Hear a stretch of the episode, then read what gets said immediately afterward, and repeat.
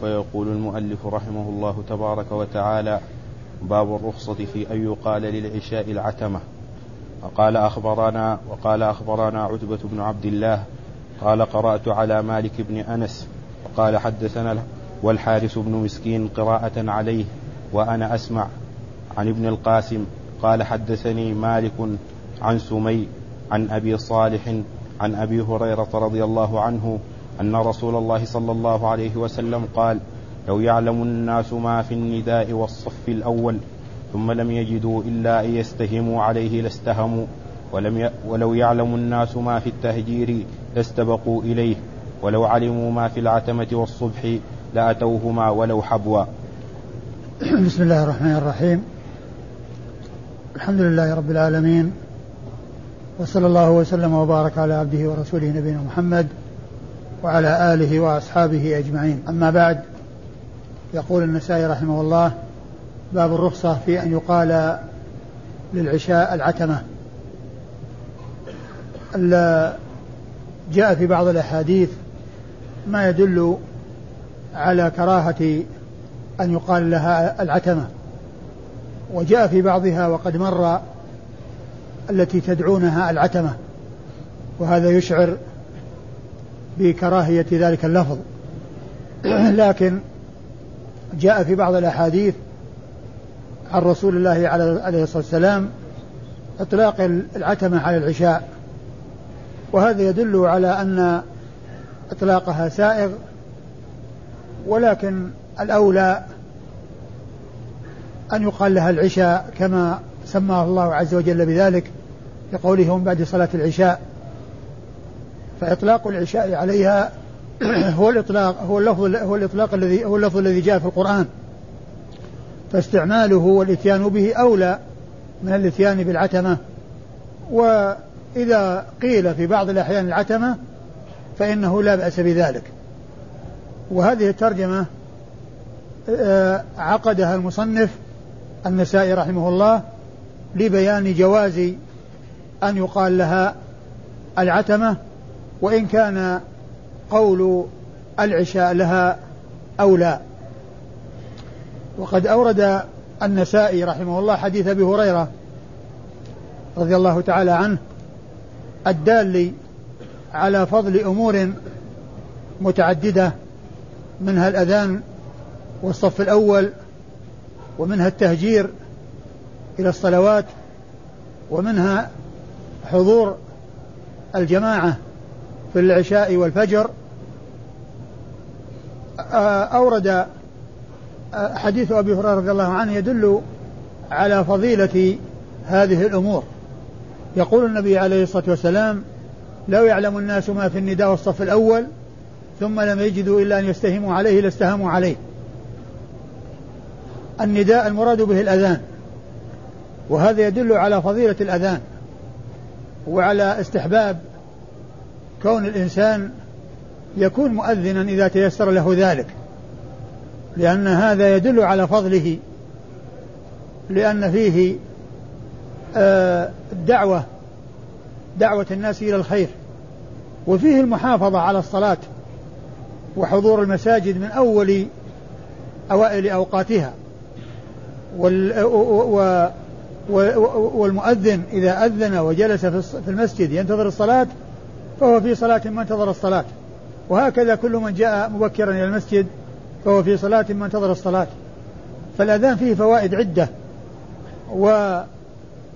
وفضيلته من أوجه متعددة. أولا كون فيه الدعوة إلى الخير ونداء الناس إلى الصلاة والفلاح. ولأن فيه أيضا التبكير وحضور الجماعة. حضور الجماعة والتبكير إليها. لهذا قال عليه الصلاة والسلام لو يعلم الناس ما في النداء والصف الأول ثم لم يجدوا إلا أن يستهموا عليه لاستهموا عليه. والمؤذن يحصل الفضيلتين يحصل الأذان ويحصل الصف الأول. يحصل الأذان ويحصل الصف الأول. ومن لم يحصل له الأذان فإن الصف الأول يعني غير المؤذنين آه، حصولهم على الصف الأول هذا من أهم المهمات. وكل من الاثنين الذي هو النداء النداء الذي هو الأذان والصف الأول قال عنهما رسول الله عليه الصلاة والسلام لو يعلمون ما لو يعلم الناس ما في النداء والصف الأول يعني من الأجر يعني من الأجر ثم لم يجدوا إلا أن يستهموا عليه لاستهموا عليه. الاستهام هو الاقتراع يعني القرعة. يعملون قرعة يعني حتى كل واحد يقول أنا السابق وكل واحد يقول أنا صاحب الحق والطريقة الشرعية في ما إذا تساوى الناس ولم يميز بعضهم على بعض فإنه يكون بالقرعة وهذا يدلنا على مشروعية القرعة وعلى أنها سائغة وقد جاء ذلك في أحاديث متعددة جاء يعني جاء في السنة أحاديث متعددة تدل على مشروعية القرعة وهي تمييز المتساوون في شيء عندما يميز بعضهم على بعض يكون ذلك بالقرعة. فيميز من يكون الأول ومن يكون متقدما ومن يكون وراءه. لو يعلم الناس ما في النداء والصف الأول ثم لم يجدوا إلا أن يستهموا عليه لاستهموا عليه. يعني لو لم يفصل بينهم إلا القرعة لصاروا إليها. وهذا يدل على ماذا؟ يدل على فضيلة الصف الأول وعلى الحث على المبادرة إلى الصلاة ليحصل الإنسان الصف الأول. وتحصيل الصف الأول الذي آه، جاء جاءت النصوص في بيان فضله يكون في حق من يأتي مبكرا لا من يكون متأخرا. ثم إذا جاء وقد امتلى المسجد جاء يتخطى رقاب الناس ويشق الصفوف يريد أن يكون في الصف الأول وهو وهو ممن تأخر. وهو ممن تأخر. فإن هذا آذى آذى نفسه بإيذائه للناس. آذى آذى الناس حيث يتخطى رقابهم وآذاهم حيث يضيق عليهم وآذى نفسه حيث تسبب حيث تسبب في الإضرار بالناس فتناله مغبة ذلك ومضرة ذلك. وإذا ففضيلة الصف الأول تحصل لمن يبادر إلى المساجد ومن يأتي مبكرا ويحصله.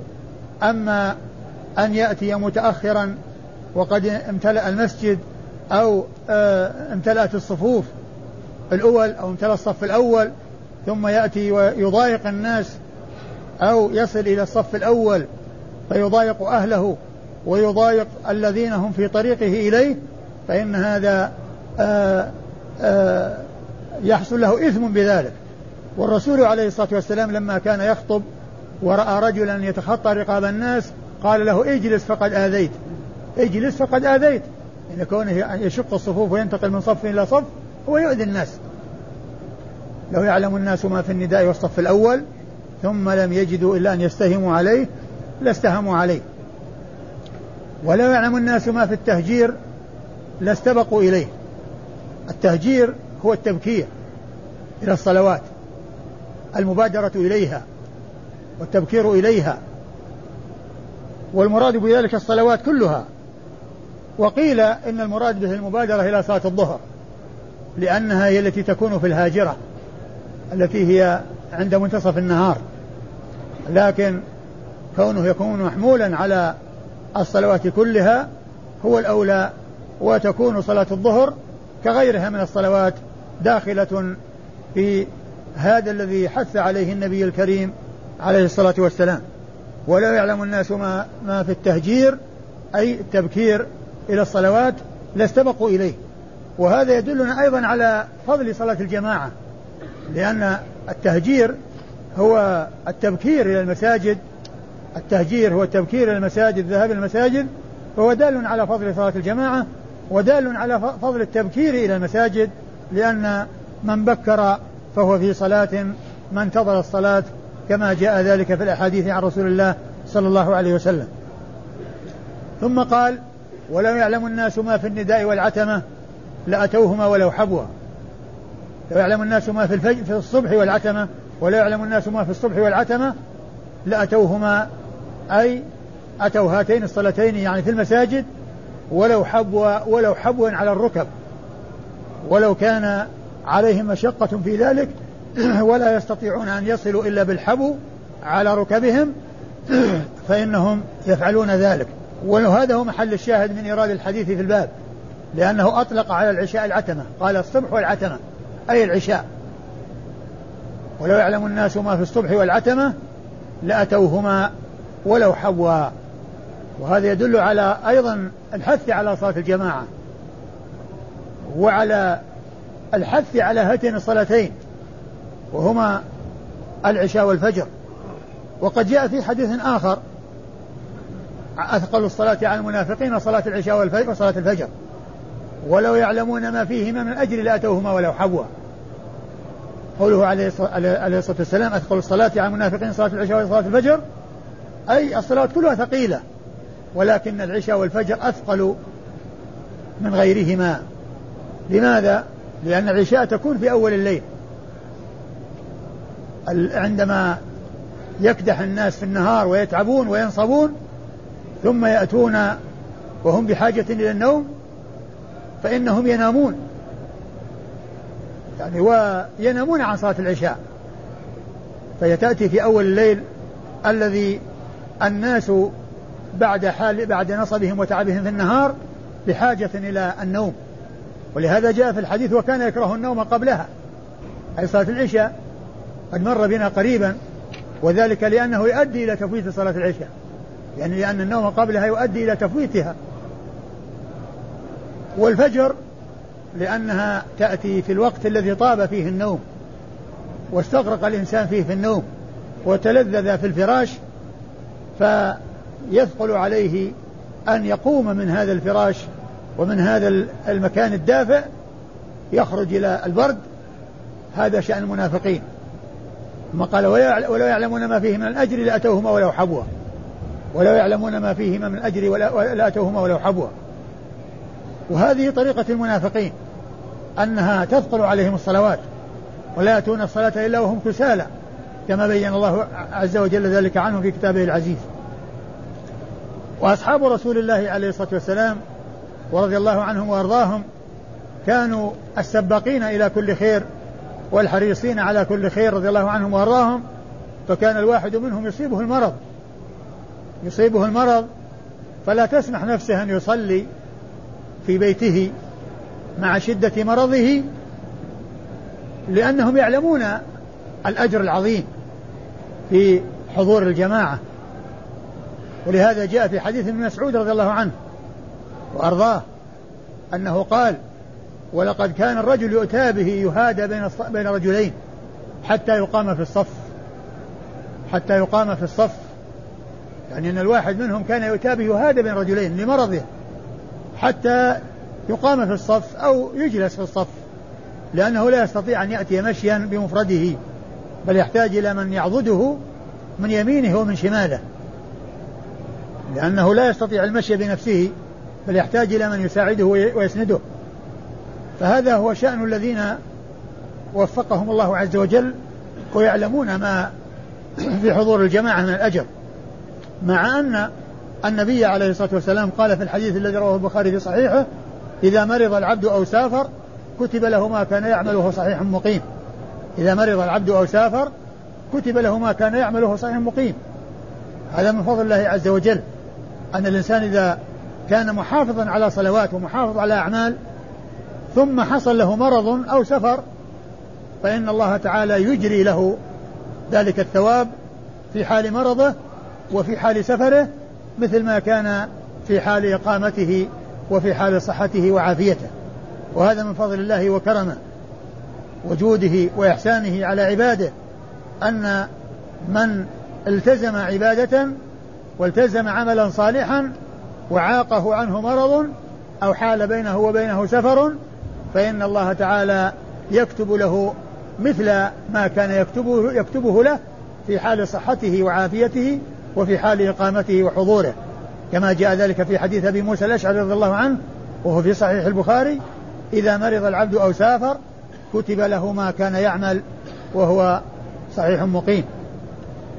وقوله عليه الصلاة والسلام في هذا الحديث ولو يعلم الناس ما في النداء ما ولا يعلم الناس ما في الصبح والعتمة لأتوهما ولو حبوا. يعني لأتوهما أي أتوا إلى الصلاتين في المساجد ولو حبوا على ركبهم. وحبوا هذه خبر لكان محذوفة هي واسمها لأن كان تحذف هي واسمها في بعض الأحيان ومنها مثل هذا الموضع. يعني ولو حوى يعني ولو كان السير إليهما حوى ولو يعلم الناس ما في, ما في الفجر في الصبح والعتمة لأتوهما ولو كان إتيانهما حوا فحذفت كان واسمها. حذفت كان واسمها وبقي خبرها. حذفت كان واسمها وبقي خبرها وهذا سائغ في اللغة ومنه ما جاء في هذا الحديث عن رسول الله عليه الصلاة والسلام فإن هذا فيه إبقاء خبر كان مع حذفها وحذف اسمها. وقد جاء في ذلك الحديث الذي ذكرته أثقل الصلاة على المنافقين صلاة العشاء وصلاة الفجر ولو يعلمون ما في من أجل أتوهم ولو حبوا أنه لو كان هناك في المسجد آه، شيء يقسم من أمور الدنيا لحضروا إلى المساجد من أجل أن يأخذوا نصيبهم من الدنيا لأن رغبتهم في الدنيا وليس رغبتهم في الآخرة. قال عليه الصلاة والسلام والذي نفسي بيده لو يعلم أحدهم أي المنافقون أنه يجد عرقا سمينا أو مرماتين حسنتين لشهد العشاء. لو كان المسجد يعلم المسجد فيه لحم يوزع وأن فيه تقسيم لحم في المسجد وأن فيه طعام يؤكل في المسجد لجاء إلى المسجد ليحصل هذه هذه الدنيا. مع أن ثواب الآخرة خير وأبقى. ثواب الآخرة خير وأبقى. والإنسان يأتي يرجو ما عند الله ويرجو الثواب عند الله هذا هو الباقي وهذا هو الذي ينفع صاحبه. فهو ليس شأن ليس همهم الآخرة وإنما همهم الدنيا. فهم لو يعلمون ما فيه من الأجر لأتوهما ولو حبوا ولكون رغبتهم في الدنيا لو كان أحدهم يعلم أنه يجد عرقا سمينا يعني هو العظم الذي عليه بقية لحم. عظم عليه بقية لحم هذا هو العرق. أو مرماتين حسنتين لشهد العشاء يعني ضلعين بينهما شيء من اللحم أو ضلفين بينهما شيء من اللحم. يعني يكون هذا الأمر ولو كان يسيرا من أمور الدنيا تجده يأتي ليحصل نصيبه من الدنيا لو كان في المسجد لحم يطعم أو لحم يوزع. آه، أما إسناد الحديث؟ أخبرنا أخبرنا عتبة بن عبد الله. يقول النسائي في إسناد الحديث أخبرنا؟ عتبة بن عبد الله. أخبرنا عتبة بن عبد الله وهو اليحمدي المروزي وهو صدوق خرج له النسائي وحده. صدوق خرج له النسائي وحده. قال قال قرأت على مالك بن قال قرأت على مالك بن أنس. يعني إمام دار الهجرة المحدث الفقيه أحد أصحاب المذاهب الأربعة المعروفة المشهورة التي كان لها أصحاب لهم أصحاب عنوا بتدوينها وبجمعها وكما هو معلوم هناك أئمة فقهاء غيرهم لهم لهم أقوال ولهم اجتهادات لكن ما حصل لهم مثل ما حصل لأصحاب المذاهب الأربعة. أصحاب يعنون بها وبتدوينها وبالتفريع عليها وما إلى ذلك مما يلزم في خدمتها وتدوينها. وهذه وهؤلاء الأربعة ومنهم الإمام مالك رحمة الله عليه حصل لمذاهبهم ولأقوالهم عناية من أصحابهم الذين عنوا بجمع كلامهم وترتيبه وتنظيمه وتفصيله وتوضيحه وما إلى ذلك مما يتعلق بخدمته وهو محدث فقيه إمام مشهور آه وكنيته أبو عبد الله. كما أن الشافعي كنيته أبو عبد الله والإمام أحمد كنيته أبو عبد الله. فثلاثة من أصحاب المذاهب يكنون بأبي عبد الله. وهؤلاء الثلاثة المكنين بأبي عبد الله آآ آه، آآ آه، مالك يروي عنه الشافعي والشافعي يروي عنه الإمام أحمد. فأحمد تلميذ للشافعي والشافعي تلميذ لمالك وكل من من, من هذين من, من, من, من هذا من, من هؤلاء روى بعضهم عن بعض أي أحمد روى عن الشافعي والشافعي روى عن مالك. وقد جاء في بعض الأحاديث ذكر هؤلاء الثلاثة في إسناد. وهو حديث نسمة المؤمن طائر يعلق في الجنة. حديث نسمة المؤمن طائر يعلق في الجنة. فإن هذا الحديث هو في مسند الإمام أحمد وقد رواه عن الشافعي والشافعي رواه عن الإمام مالك. وقد ذكره ابن كثير في تفسيره عند قوله ولا تحسبن الذين قتلوا في سبيل الله أمواتا بل احياء عند ربهم يرزقون. وذكره وذكر وذكره بالإسناد. ثم قال وهذا حديث عزيز اجتمع فيه. عزيز يعني نادر. ليس عزيز بالاصطلاح الذي هو جاء من طريقين وان المراد به العزة الندرة و يعني وكذلك القوة. من حيث يعني قوة رجاله. اجتمع فيه ثلاثة من أصحاب المذاهب المشهورة. قال وهذا إسناد عزيز اجتمع فيه ثلاثة من أصحاب المذاهب المشهورة. فالإمام أحمد يروي عن الشافعي والإمام الشافعي يروي عن مالك. ذكر هذا ابن كثير في تفسيره عند هذه الآية من سورة آل عمران. والإمام مالك خرج حديثه وأصحاب الكتب الستة. وهو أحد أفراد السلسلة التي قال عنها البخاري إنها صح الأسانيد وهي مالك عن نافع عن ابن عمر. مالك عن نافع عن ابن عمر. أيوة مالك عن والحارث بن مسكين قراءة ثم قال حاول الحارث المسكين ما قال وحدثني وأخبرني الحارث المسكين أو وحدثني الحارث المسكين لأن النسائي أحيانا يقول أخبرني الحارث المسكين قراءة عليه وأنا أسمع. وأحيانا يقول الحارث المسكين قراءة عليه وأنا أسمع. وقد قيل في هذا أن للنساء مع الحارث المسكين حالتين. حالة كان جرى بينه وبينه وحشة. فكان منعه من أن يأخذ عنه. فكان يأتي من وراء الستار ويسمع والنساء لا يدري. ثم آه يروي عنه بالإسناد. وفي هذه الحالة ما يقول حدثني ولا يقول أخبرني لأنه ما قصد تحديثه ولا إخباره بل منعه فكان يترك أن يعبر بحدثني وأخبرني لأنه ما أراد تحديثه وإخباره بل منعه من أن يأخذ عنه. فكان لحرصه على العلم وحرصه على الحديث يحضر من وراء ستار ويسمع القراءة عليه ثم يروي عنه ولكن لا يقول حدثني ولا يقول أخبرني. وفي بعض الحالات كان أذن له وزال ما بينه وبينه من الوحشة فكان يأخذ عنه وفي تلك الحال يقول أخبرنا الحارث المسكين قراءة عليه وأنا أسمع. فهذا هو الفرق بين ما جاء فيه أخبرنا الحارث وبين ما جاء فيه الحارث المسكين بدون أخبرنا. والحارث المسكين هو المصري وهو ثقة فقيه خرج له أبو داود والنسائي. خرج له أبو داود والنسائي أيوه. عن ابن القاسم. عن ابن القاسم وهو عبد الرحمن بن القاسم وهو صاحب الإمام مالك وهو مصري وهو ثقة فقيه. خرج حديثه البخاري وأبو داود في المراسيل والنسائي. خرج حديثه البخاري وأبو داود في المراسيل والنسائي.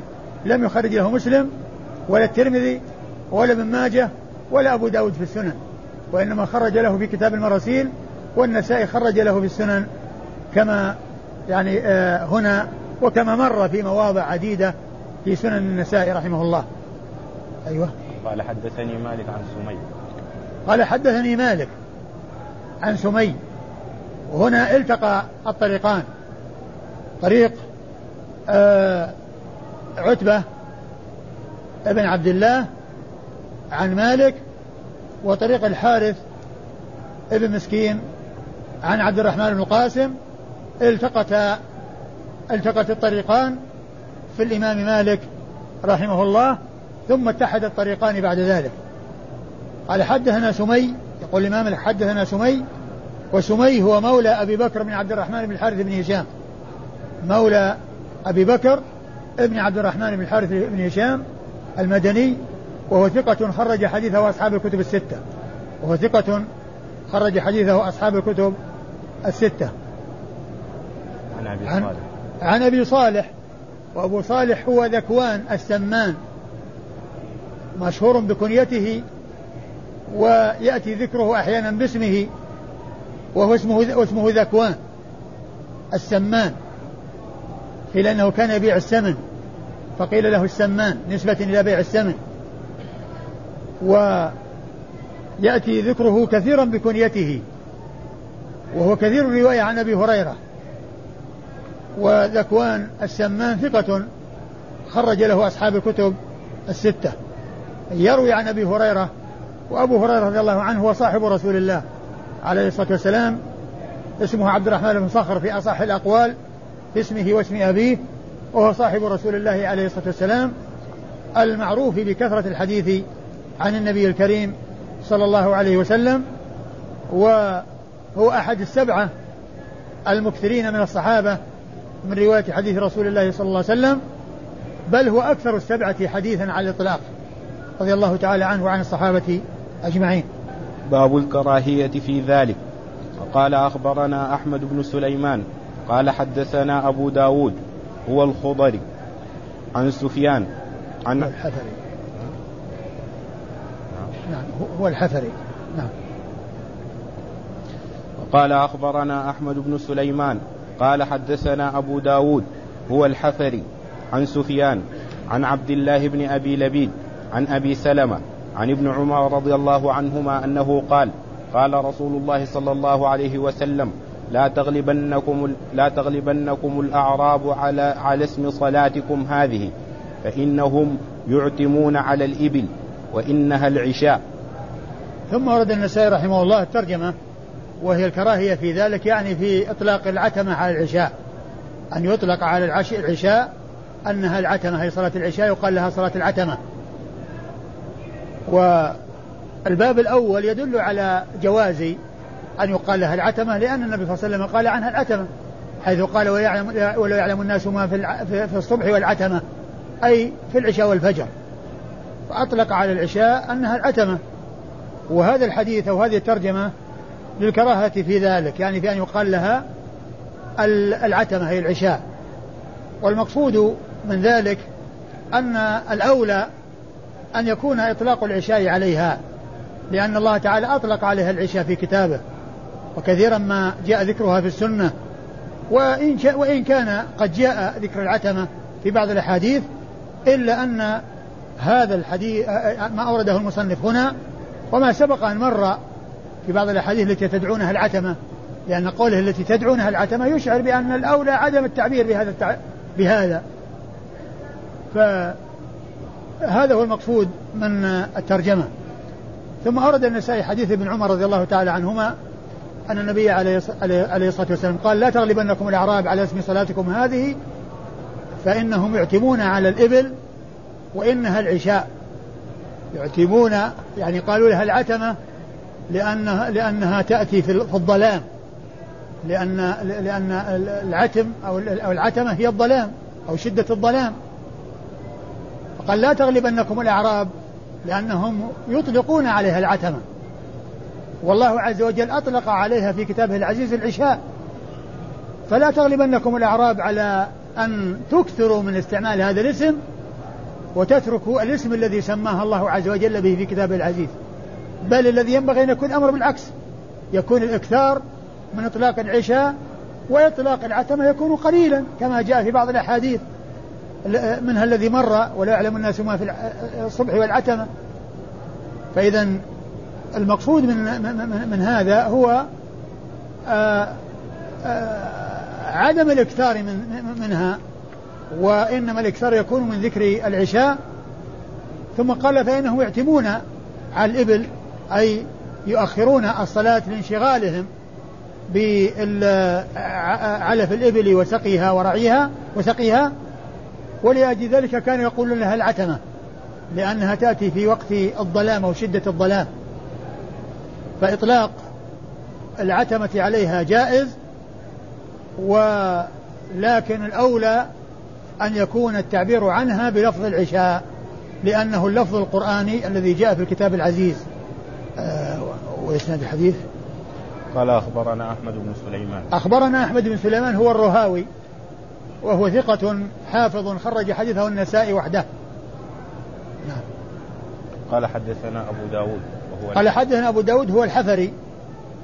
أبو داود آه قال بعدها هو الحفري. كلمة هو الحفري هذه ممن دون ممن دون تلميذه لأن تلميذه وهو سفيان سو لا التلميذ اللي قبله شوف متعدى أحمد أحمد بن سليمان. أحمد بن سليمان الرهاوي. أحمد بن سليمان الرهاوي قال أخبرنا أبو داود فقط ما زاد على هذه الكلمة. لكن من دونه وهو النسائي أو من دونه أرادوا أن يوضحوا من هو أبو داود فقالوا هو الحفري. هو الحفري. والحفري هذه نسبة إلى موضع بالكوفة يقال له الحفر بالحاء والفاء المفتوحتين. موضع بالكوفة نسب إليه أبو داود هذا وهو عمر بن سعد بن عبيد. عمر بن سعد بن عبيد الحفري. الحفري نسبة إلى موضع بالكوفة. يقال له حفر أو الحفر فأطلق أو نسب إليه هذا أبو داود فقيل له الحفري. وأبو داود الحفري هذا ثقة خرج حديثه مسلم وأصحاب السنة الأربعة. خرج حديثه مسلم وأصحاب السنن الأربعة. وفي طبقتهم من يسمى أبو داود أبو داود الطيالسي لأن النسائي يروي عنه بواسطة وهذا يروي عنه بواسطة. فقوله هو الحفري هذا ميز أو أراد أن حصل به التمييز والإيضاح وأن المراد به الحفري الذي هو عمر بن سعد بن عبيد الذي يسكن محلة بالكوفة يقال لها الحفر. أيوه. عن سفيان. عن سفيان وهو الثوري. عن سفيان وهو الثوري. وأبو داود الحفري يروي عن سفيان الثوري. وهما من بلد واحد. لأن سفيان الثوري من الكوفة والحفري هذا نسبة إلى موضع بالكوفة وسفيان الثوري هو سفيان بن سعيد بن مسروق الإمام المحدث الفقيه الحجة الثبت الذي وصف بأنه أمير أمير المؤمنين في الحديث. أمير المؤمنين في الحديث. وكانوا يميزون بين الرجال في قوة الحفظ والتمكن من الحفظ في أن يعدوا أخطاءه وأغلاطه. يعني إذا أرادوا أن يعرفوا أي أي الاثنين يعني أشد تمكنا وأشد تثبتا وأعظم حفظا يعرفون ذلك بعد أخطاء هذا وأخطاء هذا. فإذا جمعوا أخطاء هذا وأخطاء هذا ووزنوا بينها من كان أقل خطأ اعتبروه أثبت وأحفظ من الثاني. وسفيان الثوري هذا من الحفاظ المتقنين آه الذي وصف بهذا الوصف الرفيع واللقب العالي وهو لقب أمير المؤمنين في الحديث وحديثه أخرجه أصحاب الكتب الستة. عبد الله بن أبي لبيد. عن عبد الله بن أبي لبيد عبد الله بن أبي لبيد هو ثقة خرج حديث أصحاب الكتب الستة إلا الترمذي. شوفوا ثقة ولا صدوق؟ عندكم التقريب؟ شوف شوف. ثقة. ثقة. نعم. عبد الله بن أبي لبيد ثقة خرج حديث أصحاب الكتب الستة إلا الترمذي. أيوه. عن أبي سلمة. عن أبي سلمة هو ابن عبد الرحمن بن وهو عبد الرحمن بن عوف ابن عبد الرحمن بن عوف. أبو سلمة بن عبد الرحمن بن عوف. هذا هو أبو سلمة وهو ثقة. حد خرج حديث أصحاب الكتب الستة. وهو أحد الفقهاء السبعة على أحد الأقوال في السابع.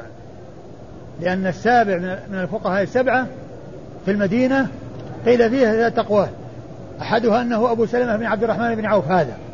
والثاني أنه أبو بكر بن عبد الرحمن بن الحارث بن هشام. والثالث أنه سالم ابن عبد الله بن عمر بن الخطاب. فأبو سلمة هذا هو سابع الفقهاء السبعة في أحد الأقوال الثلاثة في السابع منهم. عن ابن عمر رضي الله عنه. عن ابن عمر رضي الله تعالى عنهما عبد الله بن عمر الصحابي الجليل آه، المعروف بكثرة الحديث عن رسول الله عليه الصلاة والسلام وهو أحد العباد الأربعة في الصحابة وأحد السبعة المكثرين من رواية حديث رسول الله عليه الصلاة والسلام الذين قال فيهم السيوطي في الألفية والمكثرون في رواية الأثر أبو هريرة يليه بن عمر وأنس والبحر كالخدري وجابر وزوجة النبي فعبد الله بن عمر رضي الله تعالى عنهما أحد السبعة المعروفين بكثرة الحديث عن رسول الله صلى الله عليه وسلم ورضي الله تعالى عن ابن عمر وعن الصحابة أجمعين. وقال أخبرنا سويد بن نصر قال قال حدثنا عبد الله بن المبارك عن ابن عيينة عن عبد الله بن أبي لبيد عن أبي سلمة بن عبد الرحمن عن ابن عمر رضي الله عنهما أنه قال سمعت رسول الله صلى الله عليه وسلم يقول على المنبر لا تقلبنكم الأعراب على اسم صلاتكم ألا إنها العشاء. ثم ورد حديث ابن عمر رضي الله عنه من طريق أخرى وفيه الزيادة أن كان أن ذلك كان على المنبر. يعني كونه قال لهم هذه المقالة قالها وهو على المنبر. وهو بمعنى الحديث الذي قبله وبلفظه تقريبا إلا في آه، الفروق بينهما وإلا فإنه بمعناه.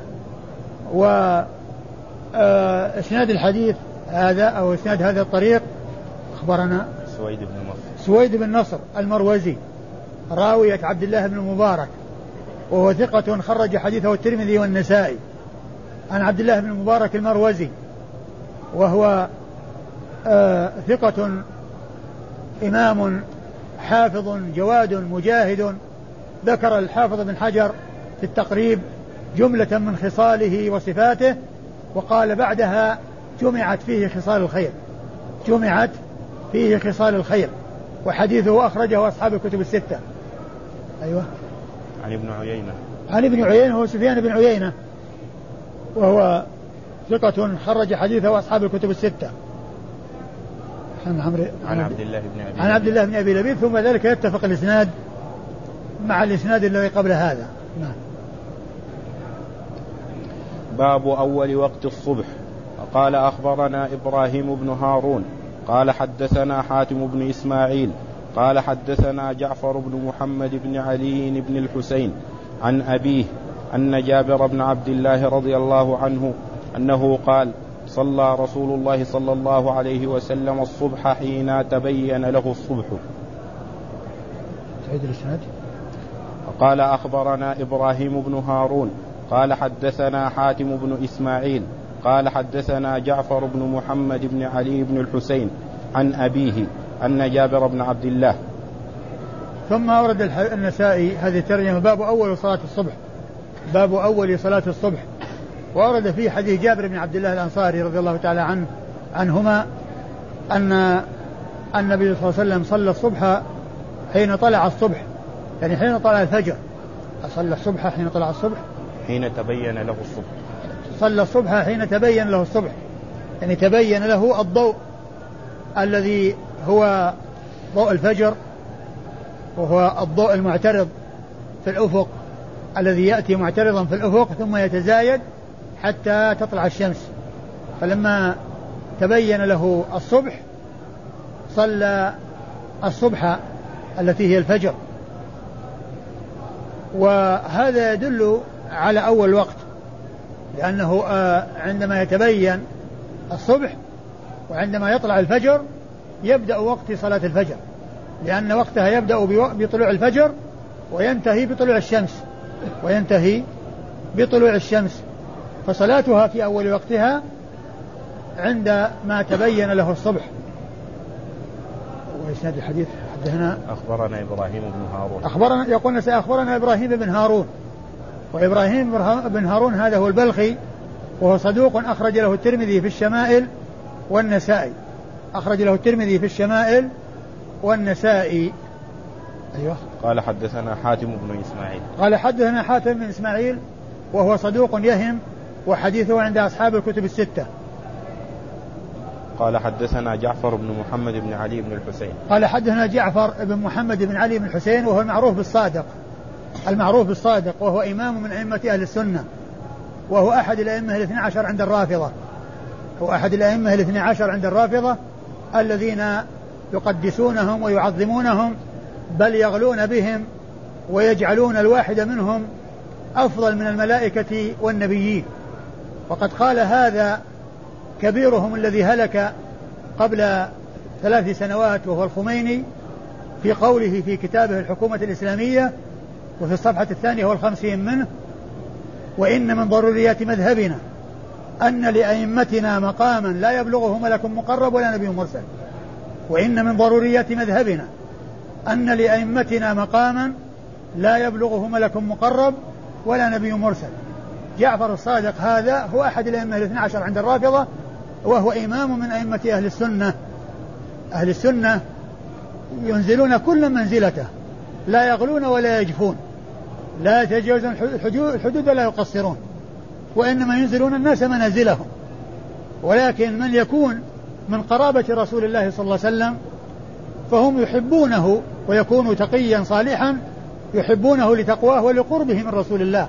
عليه الصلاة والسلام ولقربه من رسول الله صلى الله عليه وسلم.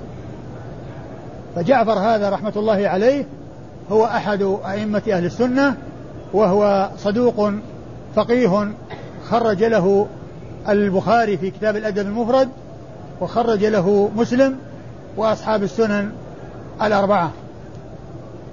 عن أبيه وهو محمد بن علي بن الحسين المشهور بالباقر وهو ثقة وهو ثقة خرج حديثه أصحاب الكتب الستة. وهو ثقة خرج حديثه أصحاب الكتب الستة. وأما الرافضة فإنهم يقولون فيه في جعفر وأبوه محمد وجده علي وأبو علي الحسين وأبو الحسين علي يقولون هؤلاء معصومون لا يسهون ولا يغفلون. ولا يخطئون بل هم معصومون. بل كما ذكرت يعتبرونهم أفضل من الأنبياء والمرسلين والملائكة المقربين. وهذه الكلمة التي قلتها ليست مقالة يعني جاهل أو جاهل من جهالهم أو آه يعني آه غير متمكن في مذهبهم بل زعيمهم الأكبر وآيتهم العظمى هو الذي يقول هذه المقالة الفاجرة الكاذبة التي هي أبعد ما يكون عن الحق والصواب. وإن من ضروريات مذهبنا أن لأئمتنا مقاما لا يبلغه ملك مقرب ولا نبي مرسل. الملائكة المقربون والأنبياء المرسلون لا يبلغون ما يبلغه الأئمة الاثنى عشر الذين منهم جعفر الصادق هذا وأبوه محمد وجده آه علي وجد أبيه الحسين وجد جده آه علي بن أبي طالب رضي الله تعالى عنه. أيوه. أن جابر بن عبد الله. أن جابر بن عبد الله وهو آه آه آه صاحب رسول الله عليه, عليه الصلاة والسلام وأحد السبعة من الصحابة المكثرين من رواية الحديث عن رسول الله صلى الله عليه وسلم. الذين زادت أحاديثهم على ألف حديث. وقال أخبرنا علي بن حجر قال حدثنا إسماعيل قال حدثنا حميد عن أنس رضي الله عنه أنه قال أن رجلا أتى النبي صلى الله عليه وسلم فسأله عن وقت صلاة الغداة فلما أصبحنا من الغد أمر حين انشق الفجر حين انشق الفجر أن تقام الصلاة فصلى بنا. فلما كان من الغد أسفر ثم أمر فأقيمت الصلاة فصلى بنا ثم قال أين السائل؟ أين السائل عن وقت الصلاة؟ ما بين هذين وقت؟ ثم ورد النسائي حديث أنس بن مالك رضي الله عنه أن رجلا سأل النبي صلى الله عليه وسلم عن وقت صلاة الغداة يعني الفجر. فصلى في يوم من الأيام حين انشق الفجر يعني حين طلع الفجر. صلى ثم في اليوم الثاني حيث أسفر لما أسفر جدا صلى. ثم قال أين السائل؟ عن وقت صلاة الغداة الغداة ما بين هذين ما بين الوقتين وقت. يعني ما بين هذه البداية والنهاية وقت يعني أي أي وقت صليت من ذلك من